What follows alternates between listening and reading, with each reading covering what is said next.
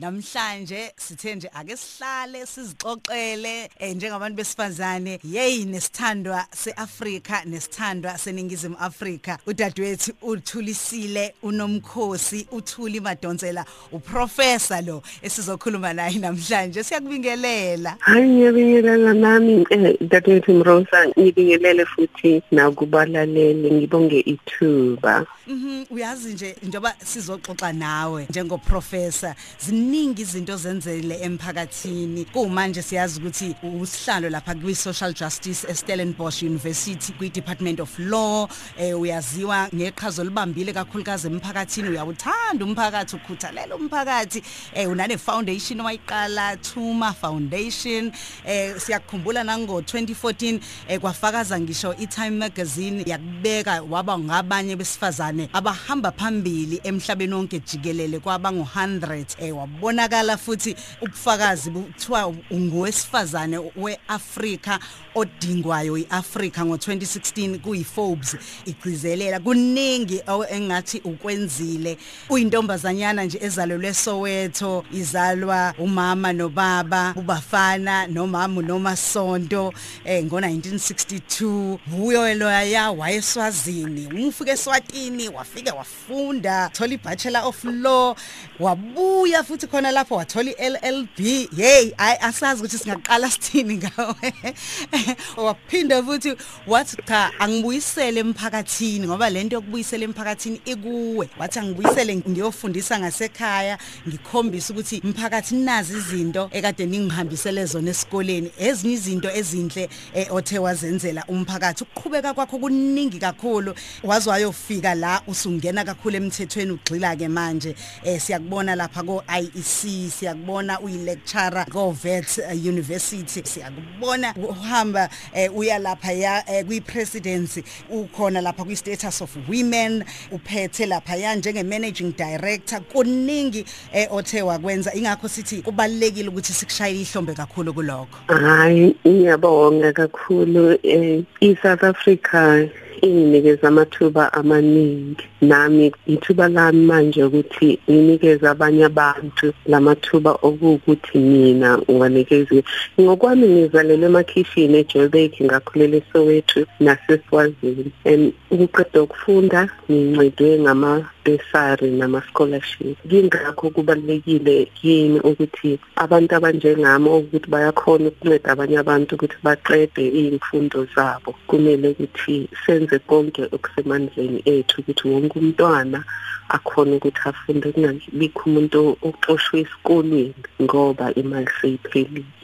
Uyazi njoba ukhuluma ngomphakathi kusho nje uzaliwe kwathiwa hamba uye emhlabeni ufike uthanda umphakathi. Usekuthi umusu uthanda umphakathi wabona kubalekile ukuthi bamba iqhaza uzunikezwe nanesikhundla eh, sokuthi kuthiwe ungumvikeli womphakathi ongowesifazane. Sikushayela ihlombe elikhulu ngeqhaza lakho owalibamba lapho elabonakala la ngabonwa yithini eAfrika kuphela kodwa laze labonwa namazwe angaphandle. No ngibonga umdali ongiphelelo thuba lokuba umvukeli womphakathi kodwa okugcine sekwenzekile kube ukuthi umphakathi nawo ube abavikeli bomphakathi.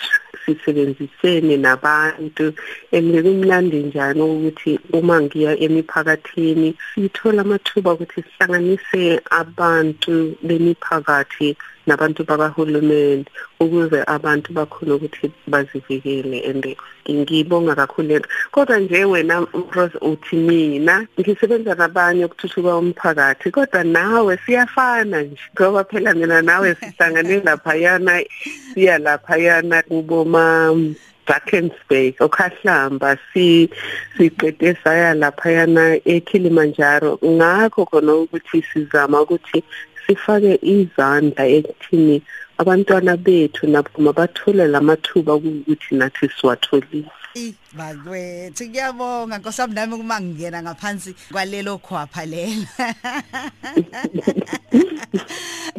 Kodwa mina ngibuka isibindi nje sakho onaso sivela ngalo kokuqwala intaba. Elokho kwase kuokunye nje ukuve ukwazi ukuthi ukhiphe imibiko ebengaqale ngishawa uvala uma kufuna ngiyikhiphe ngithi ngikhiphe ngizokhipha kanjani? Bazongibuka kanjani? Hawu kodwa nkosi yami kodwa manje bese kuba ukuthi hayi phela ngumvikelo womphakathi kufuna ngikhulume. Ngokuthi nakho okungenzeki kahle la kuhulumeni njengomuntu omvikeli womphakathi. Ingakho nje ngifisa mhlawumbe ukuthi ukusixoxele nje ukuthi uma kanti uma kuthiwa umuntu uyi public protector umvikelo womphakathi wenzani lo muntu? Umvikelo womphakathi njengoba igama lisho umuntu onceda umphakathi ukuthi uvikeleke uma ngabe ubulungiswa bungenzekalanga ngendlela efanele. Kungaba ukuthi imali zabantu zintshontshiwe izindlu nje lekuthiwa ama-RDP houses azihambanga kahle? Or into nje ongacabanga ukuthi into encane kodwa kumnikazi wayo yinkulu ukuthi bakuchaje imali etoo much laphana kwamasipala or wabhalisa indlu ye-RDP bangakuniki bayinikeze omunye umuntu or bakunikeza indlu emoshakele kube khona-ke nokusebenzisa iy'mali zabantu or imali zomphakathi ngokukhohlakala lento esithi i-corruption nokuxoshwa emsebenzini ngoba wena ukhulume iqiniso lokho esithi i-whistleblowing ngaba umvikelo womphakathi uyanceda ukuthi avikele umphakathi kulabantu laba esibaqashile ukuthi basebenze kuhulumeni ngoba uhulumeni owomphakathi owethu sonke laba abasebenzela uhulumeni basebenzela thina sonke. Kodwa kwesinye isikhathi abenzi ngendlela okukuthi i-constitution noma umthetho wesisekelo nemithetho yomhlaba ibatshela ukuthi mabasebenze ngaleyo ndlela. Sometimes bayaphuma endleleni umvikelo womphakathi ubabuyisela endleleni phinde uma ngabe kusho ukuthi kukhona wena abakulimaze ngako bese ekubuyiselela lokho abakuthatha noma ngabe imali yakho kufanele ukuthi ubhadale imali imali zempesheni ezingabhadalwanga ngendlela efanele. Akubuyisele lezo zimali. Ukusho ukuthi uma ngabe sikhuluma la kakhulukazi eh, ngo chapter 9 ngoba sesizwe isikhathi esiningi uyagxila kakhulu uma ukhuluma ngawo chapter 9 eh, we constitution umthetho sisekelo ukuthi kufanele ngempela uhambisane nomthetho sisekelo uqiniseke ukuthi ngempela intando yeningi yenzeka noma ngabe mhlawumbe sesivotile bakithi kusekhona izinto ezenza ukuthi singathembeki siyabanye emphakathini? Umqiniso ngoba umuntu umuntu. Asesibheke nje emphakathini. Okwesikhathi ngisho emasontweni nje kunomfundisi. Okwesikhathi uthola ukuthi imali ze imali yebandla akusabonakali ukuthi iphelele kuphi. Ngakho-ke kubalulekile ukuthi kube khona umuntu oyiliso lezwe umvikelo womphakathi umuntu oyiso lezwe okunye ngifuna ukusho kodwa la emphakathini ukuthi kwesinye isikhathi kuba ukuthi kwenzeke iphutha njengokuthi abanye abantu othola ukuthi sasibanceda njengomvikelo womphakathi umuntu waye esibhedlela maka esibhedlela wanceda odokotela isebenza imistake lana sebashiya indwangu la esisini isisu sesiyabola makufanele ukuthi bamlungise bambhadale for konke lokuhlupeka asangene kuko sebashona le bashona le izinto ezinjengalezo omunye uthole ukuthi ngiyakhumbula nje omunye usisi wayenceda umphakathi kakhulu lo ewudokotela ekusele kancane nje ukuthi aqualify esebenza ngesifo somdlavuza.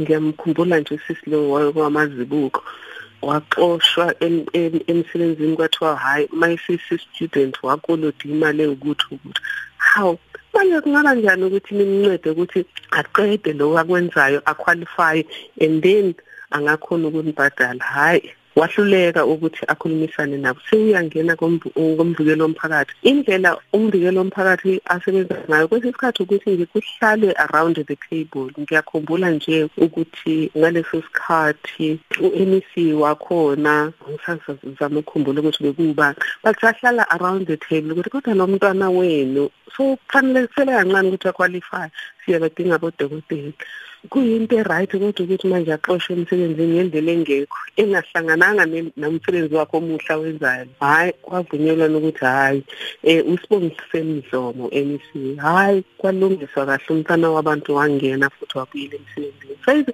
bekungasilezi enkohlakalo kuphela. Ikakhulu umvikeli womphakathi usebenza ngalezi zinto lezi esithi izinto zabogogodlamini because okunye nje ngamaphutha. Akusukuthi abantu banenhliziyo ezimbi kwesinye isikhathi babhizi too much bese bayakhohlwa ngomuntu okukuthi nje umuntu umuntu nje ozihluphekele. Ngiyacabanga ukuthi ukhuluma ngodokotela uthandeka amazibuko uma uma ngikhumbula kahle. Exactly. Ngabe akabuyelanga udokotela Thandeka Mazibuko emsebenzini ukuba bekungekho umvikelo womphakathi ngoba ukuya emakhoti akunamali. Njengoba ke kumanje nje ngiyazi ukuthi sisenyangeni yenkululeko siyakhumbula ukuthi ke kwenzekani emlandweni eh sithola ke inkululeko kuvotwa. Sibheke futhi nasokhethweni lohulumeni basekhaya.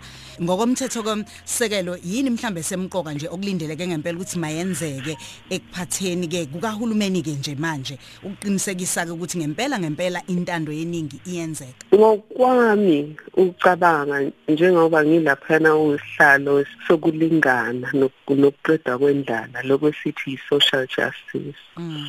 Sicabanga ukuthi 27 years into democracy sifuna ukuthi sibone nje iplan elibonakalayo. Mangabe abantu bayovota nje manje mabone iplan elibonakalayo ukuthi indlala izoqedwa kanjani. Not just ama jobs because ijob ikhona namhlanje kusasiphelile ifuna iplan esustainable ethi indlala iyoqedwa kanjani. And izoqedwa kanjani kuwo wonke ama wards njengoba silaphana eStellenbosch University naseThuma Foundation siwabalela ama-ward ayi-4392 so abantu mabevota fanele ukuthi babuze ukuthi iward yami indlala la ewodini yami? Not not kwezinye indawo la ewodini yami uzoyiqeda kanjani indlala? Okuqala. Okwesibili iplani elithini elizo elizosenza ukuthi zilingane? Benginemeeting nje namhlanje nomunye usisi umlungikazi uyanceda ukuthi banceda abantu ngama foundation i-foundation yabo banceda imiphakathi ngama library kodwa nohulumende basemakhaya i-local government kufanele ukuthi isibonise iplan ukuthi yona yenzani ukuthi bonke abantwana babe nama-library kuma-communities wabo. Because masithi abantwana bayokhompyutha laphayana emarket njengabantu abalinganayo akukho right ukuthi abanye bona abanawo ama-resources. For example mangabe uhlala emkhukhwini uthole ukuthi kwesinye isikhathi niyi-seven nihlala emkhukhwini oyi-one. Kuyanceda uma wumntwana ukuthi uyakhona ukuthi uye library uyofunda elibrary uthole iy'ncwadi uthole indawo yokubhala uthole indawo yokwenza ifundo so kubalulekile ukuthi sazi ukuthi uhulumeni iplani lakhe elithini elithi sizolinganiswa amanzi. Kungizwe ubuhlungu mina manje 27 years into democracy ukuthi ngisabona abantu.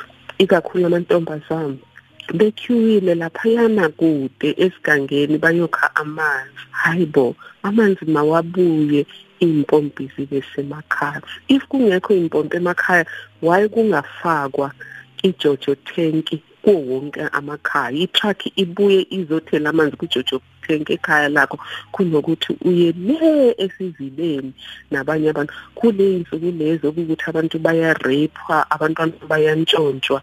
Akukho right. Ngamanye amazwi ingane engathi nje izalwe ngo1994 uma sibheka kulonyaka ina 27 eh lengane uyibona isaphila ngaphansi kwesimo esimbi esingamukelekile ikakhulukazi ekuthuthukeni kwayo. Njengoba nje ukhala kakhulu ngokuthi makuqedwe indlala makulethwe ingqalasizinda eindaweni no okuyi service delivery makwenzeke indlela yokuthi abantwana bakwazi ukufunda. Makulingwane and ngeke silingane ngelanga eli1 njengoba mina ngihlala la ku suburb eStellenbosch kudala eh inikezwa i-development. Ingako indaweni okuthi njengasemanzimeleli ishiwe emuva. So angithi uhulumeni akayenze overnight but makubonakala ukuthi kusasa kahle kahle. Mawuthi for example siyavota ngo-October yini efanele siyibheke ukuthi yobe seyikhona ngo-October next year? Hayi generally la ewodini lami. Makuthiwa siqeda indlala makuthiwa makulingwane ngeinfrastructure izinto ze abantwana for example ama bridge kusesanabantwana ukuthi fanele kubakhethe between ukuthi bariske ukuthi bafe ngoba bangena emfuleni makunethile o bangayi esikolweni ngoba imvula iyanetha lezo zinto lezo ngicabanga ukuthi singaziqeda. Kunalento okuthiwa ngama sustainable development goals. Zisinikeza ihook or ihook yokuthi kule minyaka leyi-10 esiya kuwo. Yini esingakuzama ukuthi sikulungise sibambisene kuhulumene kuwama-academic institutions njengo-stellenbosch university of kwazulu-natal ongoye nani nani. I-business community just igama eliyi-one Rosa engifuna ukulisho kubantu bakithi. Yonke into esiyifunayo kodwa sifuna ukuyifuna kuhulumeni njengoba ngikhulume ngokhetho lohulumeni basemakhaya. Kodwa mina ngithi masiholde ama-businesses accountable. Lama business khona ama-businesses adependa totally kubantu okuwukuthi eh abanethekanga galanga bathenga nje kulawo ma-business. But lawo ma-business afakani back kuma community wethu. Njengoba thina sithenga kulama business yini okuthi lama business ayibuyisa asilungisele imigwaqo asilungisele izikolo asakhela ama library zonke lezi zinto esithi ziyadingeka emiphakathini yonke. Njengoba usho nje ukuthi kubalekile ukuthi amabhizinisi eh, alethe intuthuko kwawona ke manje asuke akhele lo mphakathi loyo. Mhlawumbe amanye bazothi sibakweletani? Yini sibakweleta yona? Ngoba phela ngaziqalela leli business noma ngafika ngazotshala leli business ingani bakhona nje abantu bendawo bayasebenza la? bangakusho lokho kodwa masingathanda ukuthi senze njengam eh ama African Americans laba abanfundi njengathi America if ama business abadelela kanjalo be decide nje ukuthi angeke sithenge kuphi. And can you imagine bona bayi 10% eAmerica? Cabanga thina la we are like 85% masinga decide nje ukuthi lo akasupport nathi ngeke simsupport maningi ama-business angawa. So it's just about i-community. Khona le project yase-tuma foundation abayibiza nge-enterprising community. I-enterprising community ithi bhekani ukuthi yini enikubambile esandleni senu mani-community amandla enu okuthenga ngamandla. Kufanele ukuthi niwasebenzise amandla enu okuthenga ngendlela ezoniphucula ngendlela ezoletha impucuko ne-development community yethu. Ungathengi nje noma nguphi and you can call a meeting ukuthi lo sithenga kuyama uniform thina sitholani ibheke igrosa ukudla kwasesikoleni ukudla kwasemakhaya sikuthenga kuleya supermarket thina sitholani ibheke nibizane niyi-community nibize lama-business nithi sifuna ukudecide ukuthi le community yethu izothenga laphayana but sifuna ukuthi encourage abantu bethu ukuthi bathenge la kuwukuthi siyahlonishwa khona akuna racism okwesibili.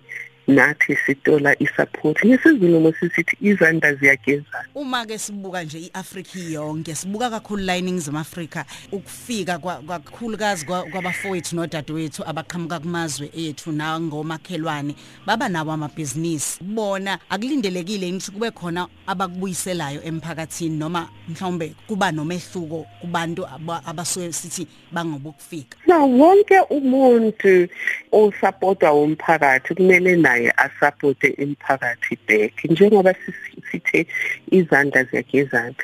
I would say though eh engakusho thina sithuma foundation esithi number 1 kumele ama community azame ukuthi athenge emphakathini wow before uhambe uyothenga le Durban zama ukuthenga la. Ngeke ngimangale mangibheka our perfect wedding bese bayisibonisa ukuthi impahla uzithenge uthunyelwa ubani ukudla ukuthenge kuphi ikhekhe uthenge kuphi.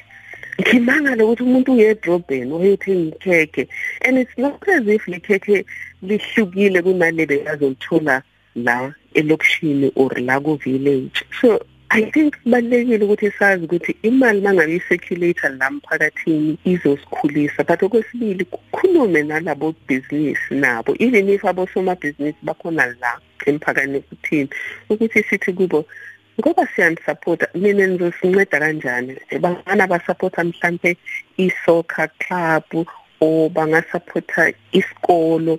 Kukhona nje okuncane abangakhipha ukuthi sihlanganiseni izandla sikhuphule imiphakathi yethu. Ngoba yebo sifuna ukuthi uhulumende asinikeze lento esithi thina yi-democracy dividend yawo wonke umphakathi. Kodwa angeke silinde my sister. Angeke silinde ukuthi until uhulumende amove abantwana bethu bazoloku basalela emuva. Because ibhasi liyahamba. Wonke umuntu kufanele ukuthi kutholakale indlela yokumqhubekisa phambili. Amakhekhe siwabhaka khona la eh uniform sithunga la okuningi sikwenza khona la. Ungangivumela yini ukuthi mhlawumbe o proudly SA no brand SA abaqali phezulu? Eh baqala khona la kuthina eindaweni zasemakhaya emalokishini. Kuyimake bebonakala mhlawumbe ke sebesezweni lonke. Iqiniso. Before we even say South Africa a brand South Africa masiqale khona la elokishini like nje mangabe uvela e, endaweni okuthiwa kusemanzimeleni kunomama la emanzimeleni othunga impahla and uthunga kahle kungabonakala ukuthi ithunga emakhaya. Iya lapha kuye mawunimpahla ofanele ukuthi uyigcoke emshadweni makufanele ukuthi kube necake because nalezi esizithandayo ukuthi sezidumile zidume ngoba abantu bebethenga kuzo. so nabantu bethu la emakhaya if sibasupport bazoduma. Uyazi uke wakhuluma kakhulu ukugcizelela indaba yokuvikela eh, intando yeningi kuyekuthiwe eh, idemocracy. Ziningi izinto ezinye othe wazibalula lapho. Ngicabanga ukuthi okunye kwakho okwenza ukuthi uzuhlonishwe eFrance uhlonishwe nge-night of the legend uhlonishwe kuthiwa unguprofessor ovelele okwazi ukuma asukume abe nesibindi akwazi ukuvikela labo abangakwazi kubona eh, ukuzivikela. Mhlawumbe ke uma singabheka nje ukuthi nakho kuseduzana ukuthi sivote ungalindela ukuthi mhlawumbe intando yeningi isebenze kanjani emphakathini sibheke okhethweni?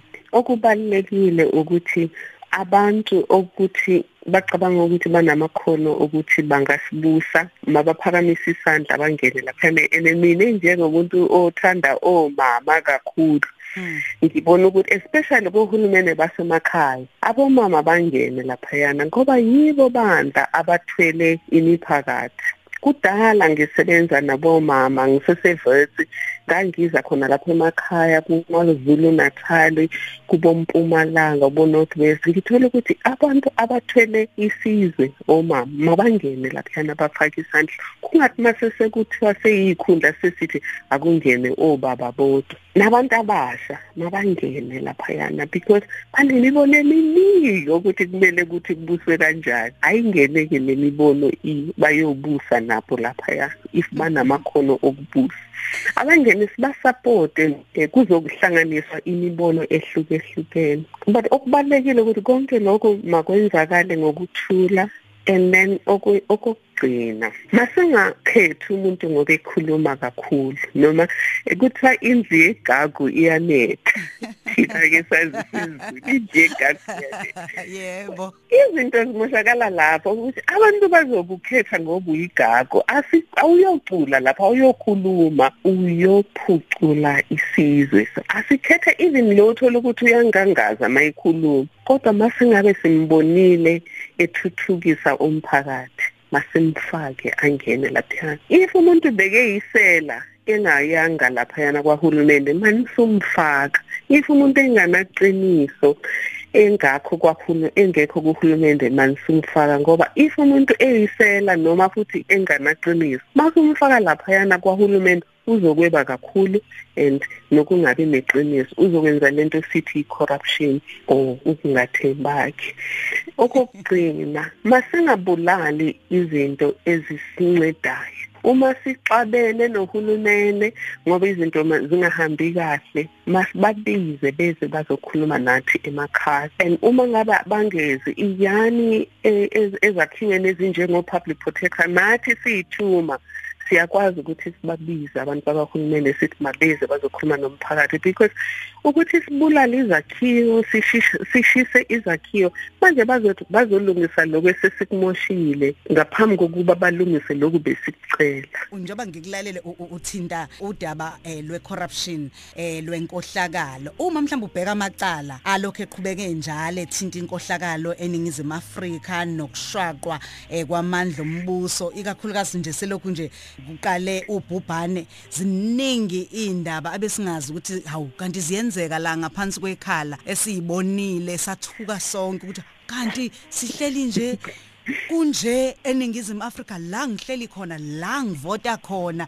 Kanti khona abaphila ngalolu hlobo ngoba sesibona sebebizwe lapha ya kwi commission Eh, mhlawumbe ungathi nje ngendaba yenkohlakalo eyenzakalayo? Inkohlakalo ikhona. And okubhlungu kakhulu uthola ukuthi labantu laba okukuthi sebethwele amacala ngenkohlakalo baphinde babuye khona la emphakathini bazothi umphakathi yani lapha yanenkantolo niyobasupporta ngoba bayahlushwa. Ene ibhlungu leyo ndaba. Because wena uwumuntu wasemphakathini ngaphambi kokuba usupporte lo muntu bheka ukuthi siyizisebenzi zikahulumene sihola malini. Ube sowubheka ukuthi hawu if lo muntu esebenza kwahulumene kwenza kanjani ukuthi abe nezimali ezingaka? Abantwana bakhe abasebenzi kodwa banezimali eziso. Inkosakazi inezimali eziso. Bagqoka impahla lezi ezithengwa le phesheya ama-brand.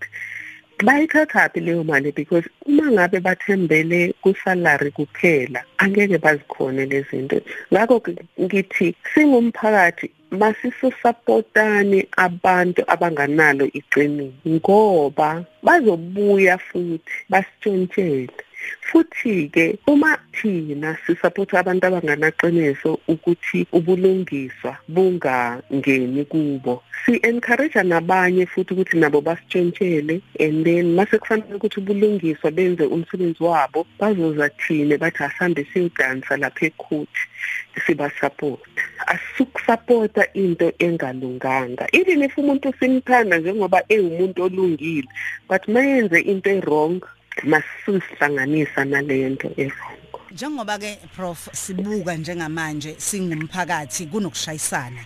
Nakhona enhlanganweni ebusayo kunamaqembu ngenxa yokuvezwa kwezinto ezithintayo nenkohlakalo. Umphakathi nawo ugcina ungasazi ukuthi wenze njani ngalesi sikhathi. Umphakathi ukhala ngokuthi ngeke uvote. Ngiyacabanga ukuthi liyalimala ilungelo labo ke manje lokuthi bavote. Eh bakhala ngayi poor service delivery bakhala ngamathenda.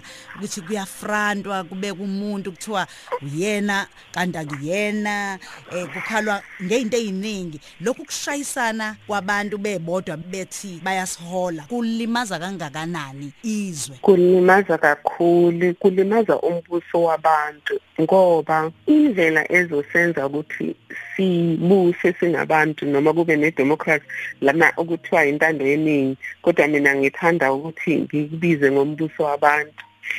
Umbuso wabantu usebenza ngokuthi sisebenzise ilungelo lethu lokuvota. Ivoti yakho amandla akho. If ungathandi indlela ukuthi iyinkonzo noma i-service delivery ehamba ngayo amandla akho akuvoti yakho. Manje mawuthi wena ngeke uvote uzoboycotha uzohamba labantu abambalwa bavote bakhethe umuntu wrong. Njengoba ngishilo ukuthi ningavoteli amagagu ningavoteli abantu abakwazi ukukriticize or ukucomplaina ukuthi yini wrong votelani abantu ababonisile ukuthi bona babeka nina abantu phambili people first bathupile bambeka phambili kanjani ukuthi uzobona ukuthi nomuntu ngamandla akhe amancane uyawuthuthukisa umphakathi.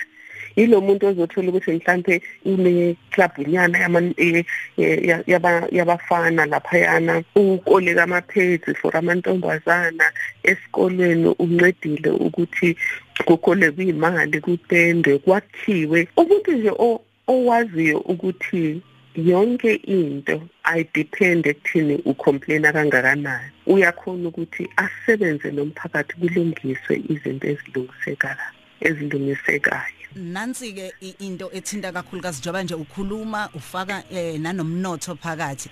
Ngokubuka kwakho i-radical economic transformation iyasebenza iyamlekelela yini umuntu esemakhaya eselokishini ekuma-suburbs esedolobheni?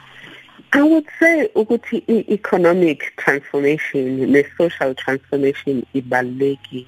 Okubhlungu ukuthi abantu abakhuluma nge-radical economic transformation abatransforme abanye iningi labo abaphuculi abathuthukisi impilo zabantu. Bathuthukisa lezi zabo ngendlela ephangisayo. So iradical uyayibona kuma families wabo bona. Ubona ukuthi hawu before umuntu aya kuhulumeni wayenezindlu eziyi wayenezindlwana nje ezifana nezakho. Mayesaya kuhulumeni indlu yakhe seyindlula lokhu bekangakuthenga ngesalary yakhe. But i want to say i-economic ne-social transformation yilungelo labantu. Bonke not laba abanobuhlobo nama-politicians not laba abasebenzela uhulumeni wonke umuntu ola eSouth Africa kufanele ukuthi impilo yakhe ibe ngcono. Lokho kushiwo i-constitution laphayana ku-preamble. I-preamble ikhuluma ngokuthi sakha izwe elisha okuwukuthi lisekeleke ku-social justice kuwukuthi kulungana nokuphela kwendlala. Lisekeleke ku-democracy kuyi umbuso wabantu noma umbuso wentando yeningi. Phinde lisekeleke ku-human rights wokuthi amalungelo wabantu bonke. Iphinde futhi umthetho wesisekelo uthi lezwe elisha esilakhayo wonke umuntu impilo yakhe izoba ngcono. Amakhono wawo wabo bonke abantu azokhululwa. In other words i-potential yomunye umuntu wonke umuntu izolungiswa. Ngakho kubalulekile ukuthi there has to be a social ne-economic transformation.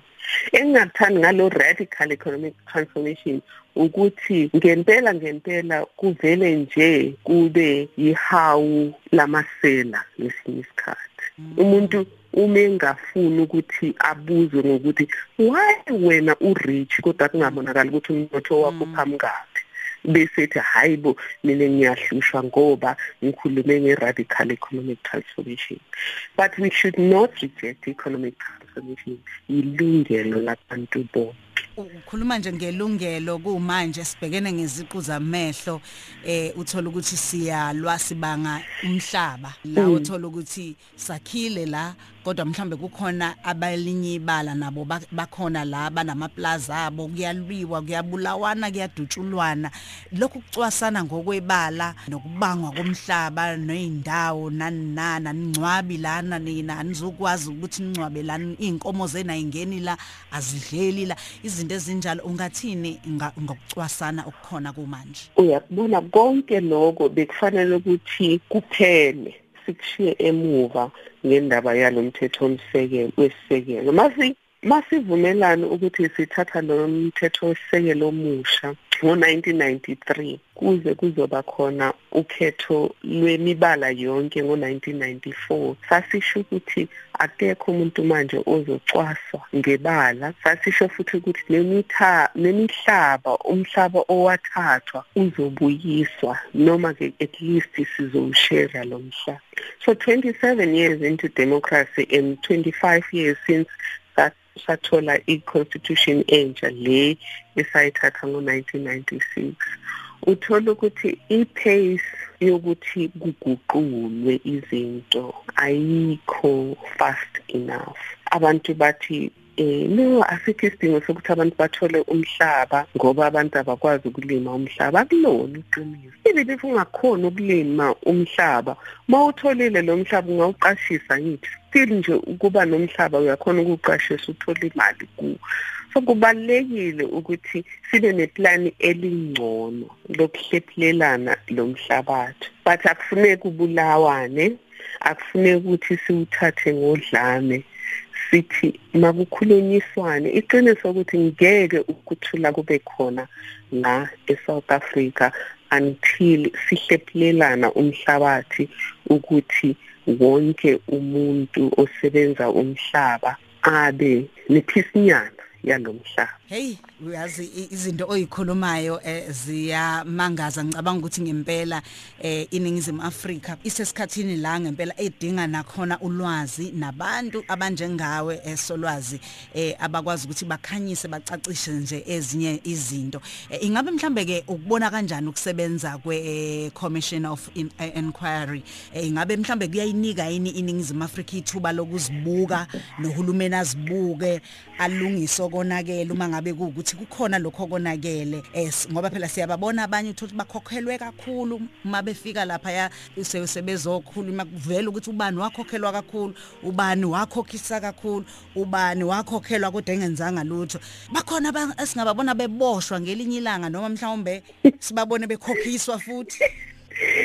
Hayi well ithemba lokuthi abantu abaningi bayathemba ukuthi ngelinye ilanga kukhona abantu abazogqoka ama overall a orange well labo ukuthi ngempela batshontshile o bakhwabanisa imali njengoba usho nje ukuthi ba overcharge kuzobaluleka ukuthi bayibuyisele le mali because iyo le mali bekufanele ukuthi ilungise izikolo ukuze izikolo zama-suburb nezikolo zasemakhaya nasemalokishini zilingane iy'bhedlela imigwaqo ama-bridge.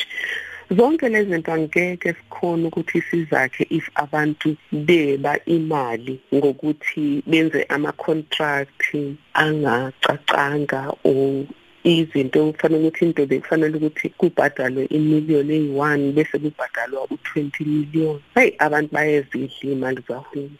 Ngiyakhumbula nje eh, ngomunye unyaka bebesibonisa nje ukuthi imali nje okufanele ukuthi ube ye-social development kuqashwa ama-tent.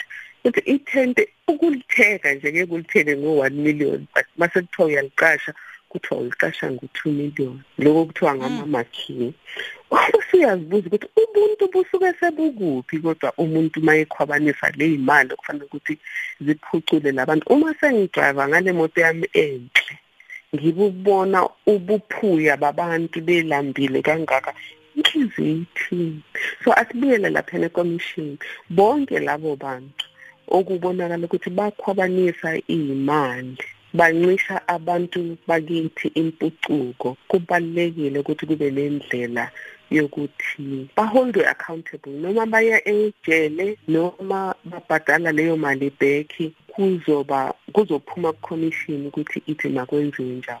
But indaba eziphumayo lapho ku-commission asikhulumeni iqiniso bantu bakithi ukuthi iyasitshela ukuthi imali yethu iyadla. And iyadliwa. Ngendlela ebuhlungu because kunabantu la eSouth Africa okukuthi iviki imali enamalanga ayi7 kukhona abantu okuthi uthola ukuthi for 2 to 3 days evikini abanakudla and if imali ibingakhwabanisa ngabe siyakhona ukuthi siphucule wonke amawodi 4392 wards ukuthi wonke wonke amakhaya abe ne-income security. Khona manje sicela uhulumende ukuthi abantu mabanikezwe le 350 rand.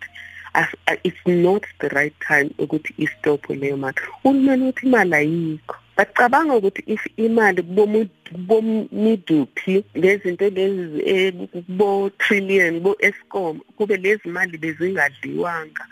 Kakasikhali ngokuthi u-350 rand asinayo imali ukuthi sinikeze abantu. Ngabe in fact siyakhona nokuthi sibanikeze njengoba i-America ibanikeza imali enkulu mhlambe nabo ngabe sibanikeza u1200 rand okuthiwa i-poverty line. Mhlambe nje ngombiko ke we-SIU othinta ama PPEs kanjalo mhlambe eh, mangingathinta futhi nalapha ekunqabeni kukamnumzane um, ubaba uJacob Zuma owayekade umongameli wezwe ukuya kwikhomishana ezwakalisa ukungenami kwakhe. Mhlambe kungelinye lamalungelo akhe naye? Meka ngiqale ngalena yaka baba umongameli eh owayengumangameli ubaba uJacob Zuma. Umthetho wesisekelo uthi siyalingana. Akunandaba ukuthi president noma ugogo Dlamini so uma sithi yena unelungelo lokukhetha ukuthi uyaya kucommission urakayi sisho ukuthi ke wonke umuntu nalelo lungelo. Awungitsheleke dadewethu ukuthi ingasebenza yini le lelizwe lethu lingasebenza yini uma wonke umuntu kulabantu abawu-60 million la e-South Africa angadecide ukuthi mina mangingalithandi ijaji angiyilapho mina kungaba khona nje kodwa ukubuseka ngoba wonke umuntu angazibusa.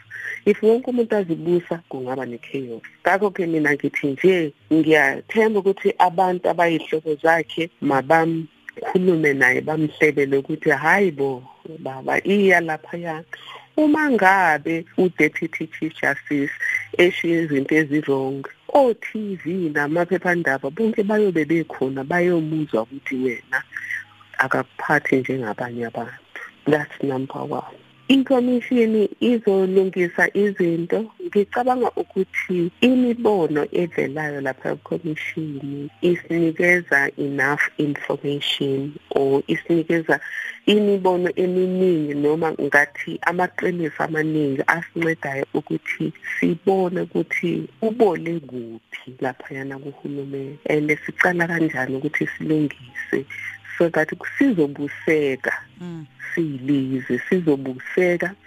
Okokuqala okwesibili ukuthi imali okukuthi zikhishwa umnyango we-finance ukuthi uyolungisa iyolungisa iy'mpilo zabantu. Mayiye iyolungisa iy'mpilo zabantu ingapheleli emaphoketheni abantu abakhwabanisayo sisekhona nje lapho nje usakhuluma eh, kanjalo. Siyazi ukuthi ubaba uncamalala nguyena owakwazi ukuthi ke akubeke njenge public protector ngalesi sikhathi usewumvikelo womphakathi. Kodwa sikubona uwakwazi ukuthi ume uthi cha nanga umphakathi angisukume ngikwazi ukukhuluma.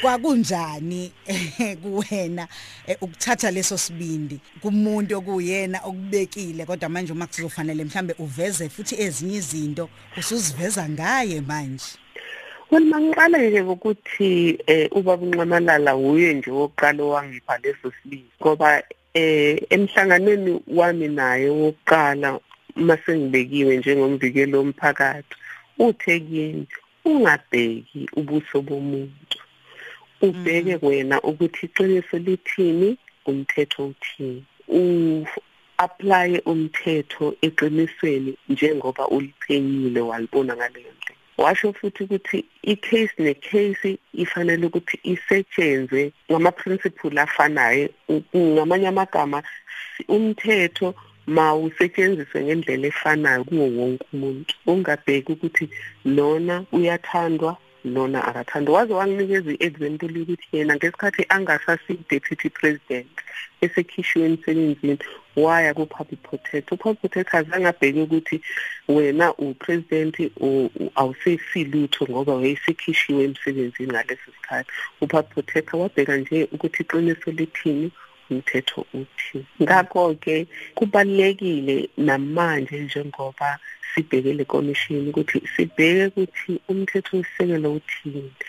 Ngoba ukhulume earlier ngokuthi 27 years ithuba lokuthi umntwana owazalwa ngo1994 27 years. Mm. umuntu omdala loyo. So 27 years sisenendlala. 27 years kusenokulingana okukhulu and if sizokwenza kangcono ukusuka manje. Kufanele ukuthi sisebenzise umthetho ngendlela oyiyona singaloku siwubhenda masibona ukuthi hawu sewulona manje umthetho siyawubhenda. Going forward masiwusebenzise umthetho njengoba unjalo eh kusingabheki amehlo omuntu. Njengoba ke mhlawumbe sike sabona eh umongameli weEFF ehamba eyankandle uphuza itiye singakubona yini nawe mhlawumbe uthi hayi cha ngisizophuza nje itiye enqamalala. Eh, njengoba ke wake waliphuza futhi nanozili. Well uh i cha benginga invitewanga ke for itiye but ke umam Helen Zile wang invite for itiye but I think now njengoba kunenkinga yokuthi ubaba unqamalala akasebenzisani nomthetho angeke ngiye kuyophuzitie kwakhe. Ngoba ngicabanga ukuthi le ndaba yamatiya can be interpreted ukuthi siyayisupporta le ndaba ukuthi ngoba yena wayewu-president kumele ukuthi enze izinto ngendlela ehlukile. Ubaba unqamalala wayepresident number 1 okwesibili kwamanje usabhadalwa uhulumende njengesisebenzi sakahulumende uneyisebenzi ezimsebenzelayo kuyisebenzi kahulumeni kunzima ukuthi singavumela ukuthi enze into ayithanda because even labantu abasebenza kuyo let's say yena ke manje sowutshela ukuthi unelungelo ukuthi asebenzise owakhe umthetho. Labantu abamsebenzelayo ukuthi abantu bakahulumeni nabo can we expect ukuthi angabenza ukuthi benze izinto ezingekho emthethweni? Kuyathusa lento lezo. I would love ukuthi ngingaya ngiyophuza itiye kwakhe kodwa ngingathanda ukuthi ngayophuza itiye mangabe ngiya invite number 1 number 2 eh after umengameli eyithobile wathobela umthetho njengabo bonke abantu njengopresident Mandela. Upresident Mandela ubengathanda ukuthi bamdreka bamuse enkantolo kodwa wazitshela ukuthi akekho umuntu ongaphezulu komthetho. Ingabe mhlawumbe ngamkhumbula ngani nje eh, udokotela Nelson Mandela eh, njengaba kwaba uyena mongameli oqala sibuya kubandlululo? Siyazi ukuthi eh, wathinta kakhulu ukuthi balekile ipublic protector human rights commission auditor general akabe khona independent electoral commission the commission on gender equality kuningi. Cabanga ukuthi ungakwazi kangcono kodwa ke wena njengomuntu owazi kakhulu ngomthetho umthetho ne constitutional court. Eh, mhlawumbe lokho ingoba wayibona kubaluleke ngani? Lezi zinto mazincikane. Cabanga ukuthi engimkhumbula ngakho kakhulu yikho ukuhlonipha umthetho ukuhlonipha abantu nokuhlonipha ukulingana. Kwenye izinkulumo zakhe ngomvukelo omphakathi ubaba uma uMadiba uye wathi even if ohulumende bekhona la emhlabeni benabantu abanobulungisa. Kuyenzeka ukuthi benze ama mistake ngangihlale ngiyisebenzisa nje le quote yakhe even the most benevolent of government have within them people with propensities for human failings. Ngabanye amagama ama mistake ayenzakala. And washo ukuthi kungako ngifake izakhiwo ezintsha ukuthi ziqinise intando yeningi ziqinise umbuso wabantu. Ngamanye amagama idemocracy wayesethi ke lezo zakhiwo ezintsha abazifakile uchapter 9 la ukuthi chapter 9 econstitution la kukhona upublic protector. i-Human Rights Commission u-Auditor General nabanye. Waphinde wakhuluma ukuthi kulezo zakhiwo baphinde futhi bafaka i-Constitutional Court bezama ukuqinisa umbuso wabantu. Ngoba bayazi ukuthi iParliament ngesinye isikhathi with all ama good intentions izinto azihambi ngendlela efanele. Ngakho basakaza amandla mangayuza isizulu. Basakaza amandla ukuthi ba decentralize amandla ba disseminate amandla kuthi kungabikho khona isakhiwo esisodwa esinamandla a too much ngoba leso sakhiwo uzothola ukuthi asisenzi okufunwa abantu asisenzi futhi indlela eqhubekisa isizwe phambili. Oh hayi uyabona nje njengoba siya ngasemaphethelweni ngeke sikwazi ngikudedele singayixoxa ngindaba eh, yokuhlonishwa kwakho eh, izwe lase France eh, ngeqhaza uthe walibambe ningizimu Afrika ikakhulukazi elithinta yona imbiko les eminye yayo esiqeda ukukhuluma ngayo. Kanjalo futhi ke neThuma Foundation la obonakala khona uqhakambisa ubuholi ikakhulukazi ke uma kukhulunywa ngayo eh, intando yeningi. Mhlambe ke uzizwa unjani? Nanokuthi mhlambe eh, ukubuke kanjani? Awubonanga mhlambe ukuthi ayi yini bazongihlonipha ngeindaba zasekhaya? Ngoba lezi indaba ezasekhaya kufuna ngabe iphelela la manje akuzokwenza ukuthi bese beshaya ihlombe ukuthi ngiyababona eSouth Africa. Hey banenkohlakalo benza ukuthi nokuthi nokuthi. Ukubuke kanjani lokho? No ngijabulile ngokuhlonishwa eFrance into engijabulisile ukuthi iFrance ayisho ukuthi bona bangcono kunathi. Basho ukuthi njengoba nathi siyiSouth Africa sizama ukubusa ngendlela efanele nabo bana ama challenges afanayo. iFrance kusukela kudala abantu mabenza lento kwakuthiwa i-revolution so lokhu bezama ukuthi bakhe i-country okuthi isekeleke ku ekulingane equality enkululekeni freedom ekusebenzisaneni fraternity. And ngathi njengoba sila eSouth Africa yebo bathe bangihlonipha njengoba ngenza umsebenzi wami as a public protector but bathe futhi bangihlonipha ngokubambisana kwami nezwe labo lemisebenzi engiyenzayo manje ukuthi njengoba silapha eStellenbosch ikakhulu kakhulu izinto esizifuna esizama ukuthi sizenze ukuthi sihlanganiseni izandla ukuthi siqede indlala siqede ukungalingani. By 2030 as part of lezakhiwo zomhlaba wonke okuthiwa ngama sustainable development goals. So bangihloniphele nalokho. Baphinde futhi washo uambassador ukuthi bangihloniphela futhi nomsebenzi weTuma Foundation. iTuma Foundation ifocusa ekuthi incede abantu abasha nomama ukuthi babambe iqhaza ekuthini benze intando yeningi ukuthi basebenzele. In other words we say ubuholi bokwenza ukuthi idemocracy isebenzele wonke umuntu because siyilele idemocracy sayilwela inkululeko. But akuncedi ukuthi abantu abontulile abantu basemalokishini nasemakhaya bayibone idemocracy ama-fruits edemocracy ale kude sithi wonke amawodi wonke amakhaya wonke umuntu makeze ukuthi ama-fruits wedemocracy ataste kanjani and leyo nto leyo izokwenzeka ngokuthi abantu mababambe iqhaza kundlela ababuswa ngayo. Ngakho-ke sinama-program laphana e-university of stellenbosch nalaphana kwaTuma foundation nafundisa abantu ngokuthi uhulumende usebenza njani. For example ngihlangana nomuntu athi hayi ngiyakhumbula wona wawusephalamende kuba buhlungu kimi ukuthi hawu labantu bayabuswa. Kodwa abazi nokuthi babuswa ubani. Ngoba bayasibona nje sile kude abazi ukuthi lona yini umsebenzi wakhe. Ngakho makufanele ukuthi ngimholde to account yini engizoyifuna kuye. So sifuna ukuthi abantu bazi ukuthi lo mbuso wase-south africa usebenza njani. Uma izinto zihamba wrong ubani abafanele ukuthi bamlande bakhombe isandla kuye bathi lungisa. Inkululeko isho ukuthini kuwena? Inkululeko kimi isho ukuthi wonke umuntu makabe nenkululeko yokuthi abe yi the best angakhona ukuthi abe uyinkululeko. Kimi isho ukuthi wonke umuntu akhululeke endlaleni akhululeke eyintweni ezimbambayo. Ukuthi angakhoni ukuphuculeka. Akhululeke ukuthi mangabe efuna ukubamba iqhaza lokuthi abe kuhulumende akhone ukwenza lokho. Akhululeke ebandlululekeni. Kungabikho ukuthi uma mine ngifuna ukuba udokotela angeke ube udokotela ngoba anginamali.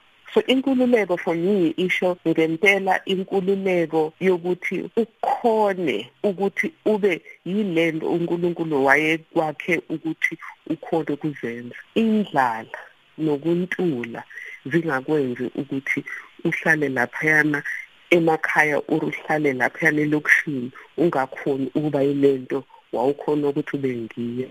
Just because imali awunayo. Ungasho uqinise ngempela lokho kusho ngikufakazele ngoba isibindi onaso eh sibonakale ngokuthi kuqwale intaba ende kunazo zonke eAfrika okuyiKilimanjaro eseTanzania. Uyiqwalela ukuthi uthi akube nokulingana nokuqedwa kwendlala eningizimu Afrika ngamanye amazwi lokho engikushoyo nginezela la usho khona ukuthi ngempela ngempela akukho la ungeke ufinyelele khona. Leya ntaba akuyona intaba yokudlala kodwa ngakubona uhamba phambili ngilandela nami.